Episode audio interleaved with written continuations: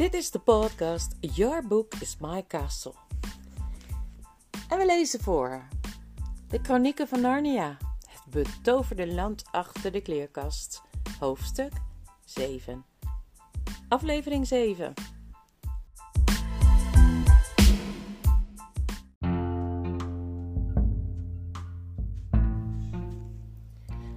Een dag bij de bevers. Terwijl de jongens met hun tweeën achteraan liepen te fluisteren, riepen de meisjes opeens allebei tegelijk: Oh! En ze bleven staan. Het roodbosje, riep Lucie. Het roodbosje, het is weggevlogen. En ja, het was weg, verdwenen. Nou, wat doen we nou? zei Edmund. En hij trok een gezicht tegen Peter alsof hij zeggen wilde: Zie je wel? Zei ik het niet net? Sst. Kijk, zei Suzanne. Wat is er? zei Peter. Er beweegt iets daarginds, tussen de bomen, een beetje meer naar links. Ze stonden allemaal gespannen te turen en niemand voelde zich meer erg op zijn gemak. Daar is het weer, zei Suzanne even later. Nu zag ik het ook, zei Peter. Het is er nog steeds. Het verdween juist achter die dikke boom daar. Wat is het dan? vroeg Lucie. En ze deed haar uiterste best om haar stem niet zenuwachtig te laten klinken. Wat het ook mag zijn, zei Peter. Het is iemand die ons stiekem bespiedt en hij wil niet gezien worden. Laten we naar huis gaan, zei Suzanne. En doordat Suzanne dat zei, beseften ze ineens allemaal wat Edmund aan het eind van het vorige hoofdstuk ook al tegen Peter had gefluisterd. Ze waren verdwaald. Hoe zag het eruit? zei Lucie. Het lijkt op een of ander dier, zei Suzanne en toen. Kijk, kijk, gauw, daar is hij. Deze keer zagen ze hem helemaal. Een behaarde snuit met lange snorharen die heel even voorzichtig naar hen keek van achter een boom. Deze keer trok hij niet onmiddellijk zijn kop weer terug. In plaats daarvan legde het dier zijn voorpoot tegen zijn mond, precies zoals wij mensen een vinger tegen onze lippen leggen als we bedoelen dat iemand echt zachtjes moet doen. Toen verdween hij weer. De kinderen stonden allemaal met ingehouden adem te kijken.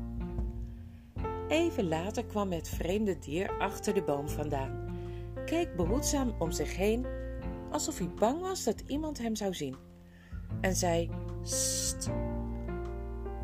Hij wenkte dat ze naar hem toe moesten komen, in het dichte begroeide stuk bos waar hij stond, en toen was hij weer verdwenen.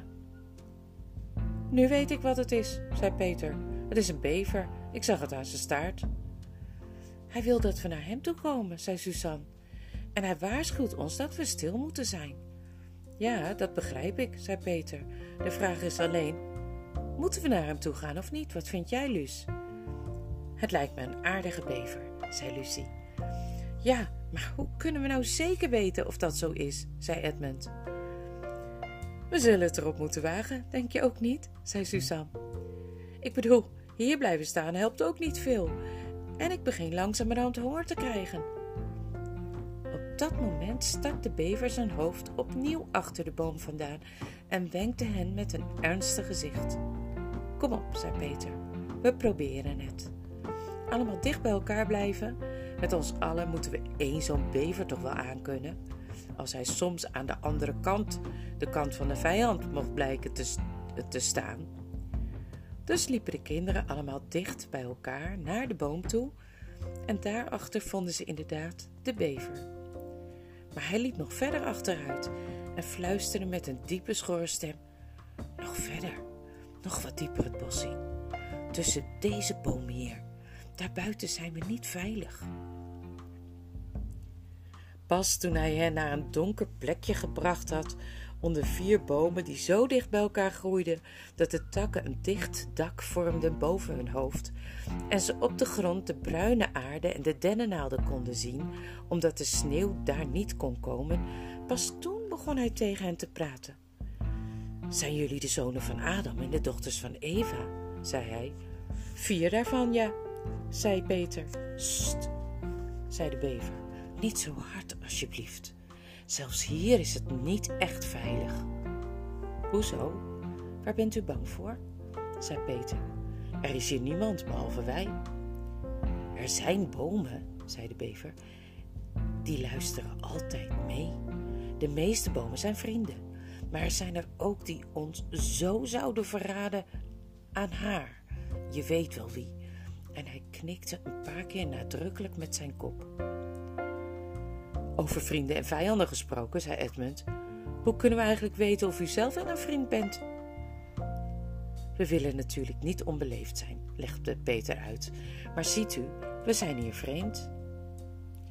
Natuurlijk, je hebt groot gelijk, zei de bever. Hier is een onderpand als teken van mijn vriendschap. En terwijl hij dat zei, liet hij hun een klein wit lapje zien. Ze keken er allemaal verbaasd naar, maar opeens zei Lucie: Oh ja, natuurlijk. Dat is mijn zakdoek. Die heb ik aan die arme meneer Tumnus gegeven.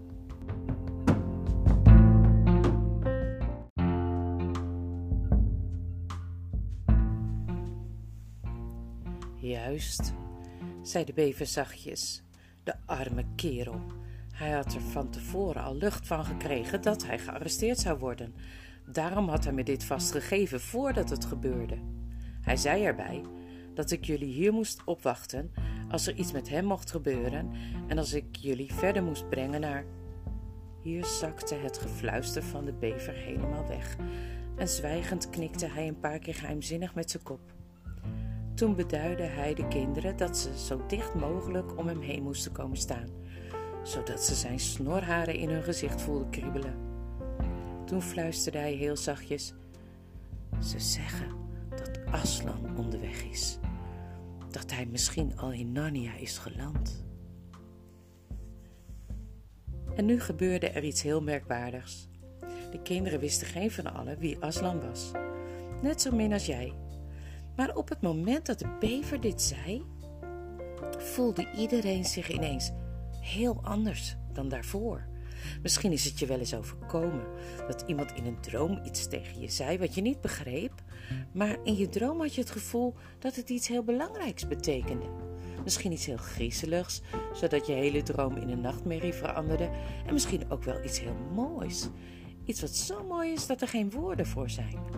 Waardoor je droom zo prachtig werd dat je er je hele verdere leven aan blijft denken. En dat je altijd maar blijft hopen dat je ooit nog eens in diezelfde droom kunt terugkomen. Zoiets was het nu.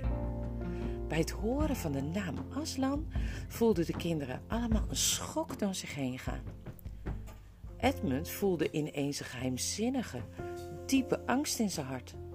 Peter voelde zich plotseling heel dapper en kreeg zin om avonturen te beleven. Suzanne kreeg een gevoel alsof er net een heerlijke geur of een prachtige melodie langs haar heen was gezweefd.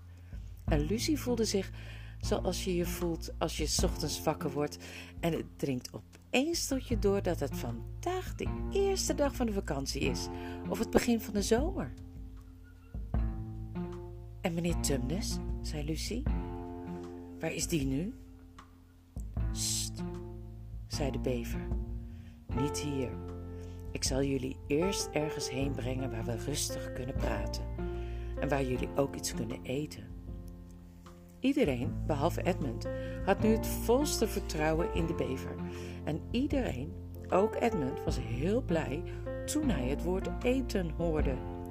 Daarom liepen ze allemaal vlug achter hun nieuwe vriend aan. De bever zelf liep voorop, veel sneller dan ze van hem verwacht hadden, en bleef steeds in de donkerste gedeelte van het bos lopen.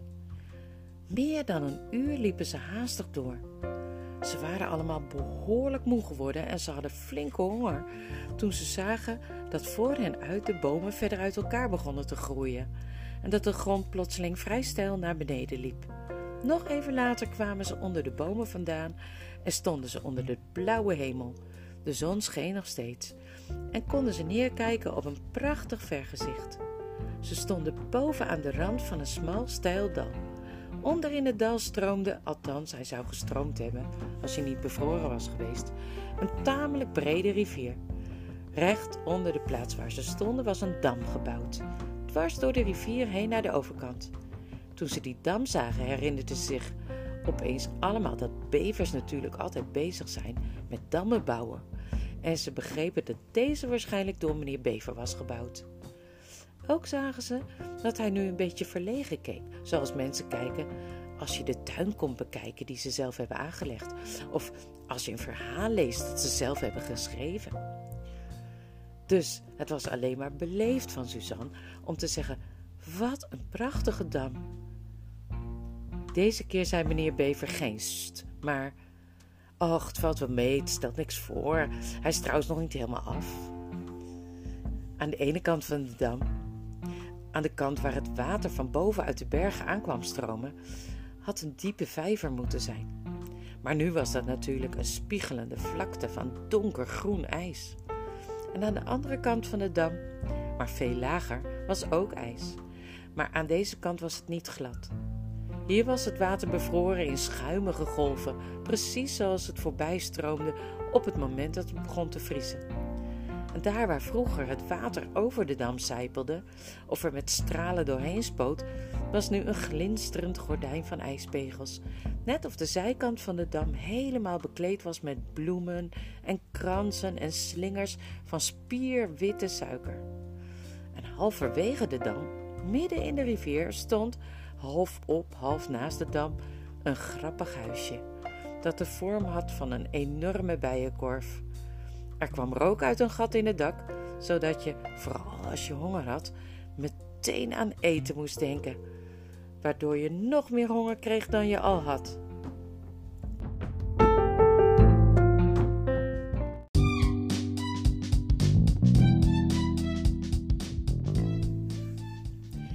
Dat waren de dingen die de andere drie het meest opvielen, maar Edmunds aandacht werd getrokken door iets anders. Een eindje naar beneden, verderop in het rivierdal, kwam er nog een kleiner dal bij, waardoor een riviertje stroomde dat uitkwam in de grote rivier. En toen Edmund dat kleinere dal eens inkeek, zag hij in de verte twee heuveltjes. En hij wist bijna zeker dat, de twee, dat dat de twee heuvels waren die de witte tovenares hem had aangewezen toen ze de vorige keer afscheid van hem nam bij de lantaarnpaal. Dan moest haar paleis daar tussenin liggen, dacht hij. Hoogstens een kilometer verderop, misschien nog wel minder. En hij moest weer aan Marsepein denken en aan koning zijn. En ik ben benieuwd hoe Peter dat zal vinden, dacht hij bij zichzelf. En in zijn hoofd doken allerlei afschuwelijke gedachten op. Hier is het, zei meneer Bever. En ik geloof dat mevrouw Bever al op ons gerekend heeft. Ik zal wel voorgaan. Voorzichtig hoor, pas op dat je niet uitglijdt. De bovenkant van de dam was breed genoeg om overheen te lopen, maar het liep voor mensen niet erg makkelijk omdat er ijs op lag. En hoewel aan de ene kant ongeveer op gelijke hoogte met de dam het ijs van de bevroren vijver lag, lag het ijs van de rivier aan de andere kant een heel stuk lager, zodat het aan die kant akelig steil naar beneden liep. Ze liepen achter elkaar, achter meneer Bever aan, naar het midden van de dam. En ze konden naar beide kanten een heel eind langs de rivier kijken. En toen ze midden op de dam gekomen waren, stonden ze voor de deur van het huis. Daar zijn we al, meneer, mevrouw Bever, zei meneer Bever. Ik heb ze gevonden. Dit zijn de zonen en dochters van Adam en Eva. En met z'n allen gingen ze naar binnen. Het eerste wat Lucie opviel toen ze binnenkwam, was een snorrend geluid. En het eerste wat ze zag was een vriendelijk oud bevervrouwtje dat met een draad in haar mond in een hoek van de kamer druk zat te werken achter haar naaimachine, waaruit ook het snorrende geluid afkomstig was. Zodra de kinderen binnen waren, legde ze haar werk neer en stond op. Eindelijk, daar zijn jullie dan, zei ze. En ze stak allebei haar gerimpelde oude voorpoten uit. Eindelijk, dat ik dat nou nog mag meemaken. De aardappels staan op en er staat al een ketel water te zingen op de kachel. En meneer Bever, ik denk dat jij wel even een maaltje vis voor ons wil gaan halen. Dat zal ik doen, zei meneer Bever. En hij liep de deur uit. Peter ging met hem mee. Dwars over het ijs van de diepe vijver naar een klein wak dat hij daar in het ijs had en dat hij elke dag openhield met een bijl. Ze hadden een emmertje bij zich. Meneer Bever ging heel zacht aan de rand van het wak op het ijs zitten. Hij vond het blijkbaar niet erg dat het zo koud was. Tuurde scherp in het water, sloeg toen opeens razendsnel zijn voorpoot door het water en voordat je pap kon zeggen had hij er een prachtige forel uit opgehaald. Dat deed hij nog een paar keer, net zolang tot ze een behoorlijk paaltje vis bij elkaar hadden. Intussen hielpen de meisjes mevrouw Bever. Ze dekten de tafel, ze sneden het brood, ze zetten de borden vast in de oven om warm te worden en tapten voor meneer Bever een grote pul vol bier uit een biervat dat in een hoek van het huis stond. En ze zetten de koekenpan vast op om het braadvet te smelten. Lucie vond het reuze knus in het huisje van de bevers, al was het heel, wel heel wat anders dan de grot van meneer Tumnus. Er waren geen boeken en geen schilderijen en in plaats van bedden hadden ze een soort bedsteden in de muur, die eruit zagen als kooien op een schip. Aan de zoldering hingen, aan de zoldering hingen hammen en bossen uien en langs de kant stonden rubberlaarzen en aan de muren hingen oliejassen en bijlen en tuinscharen en schoppen en troffels en dingen om cement in te doen en vishengels en netten en jutezakken. En het tafellaken was gemaakt van heel ruwe stof, maar het was brandschoon. Juist toen het vet in de koekenpan gezellig begon te sissen, kwamen Peter en meneer Bever binnen met de vis. Die meneer Bever buiten al had opengesneden en schoongemaakt met zijn mes. Je kunt je wel voorstellen dat die vers gevangen vis heerlijk rook toen hij gebakken werd.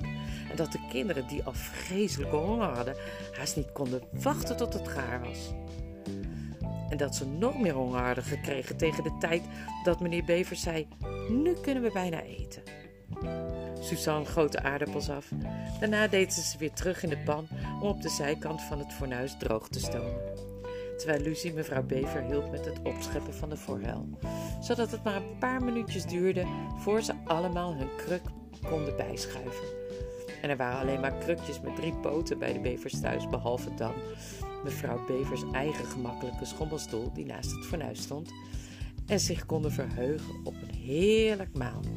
Voor de kinderen was er een kan romige melk. Meneer Bever dronk liever bier.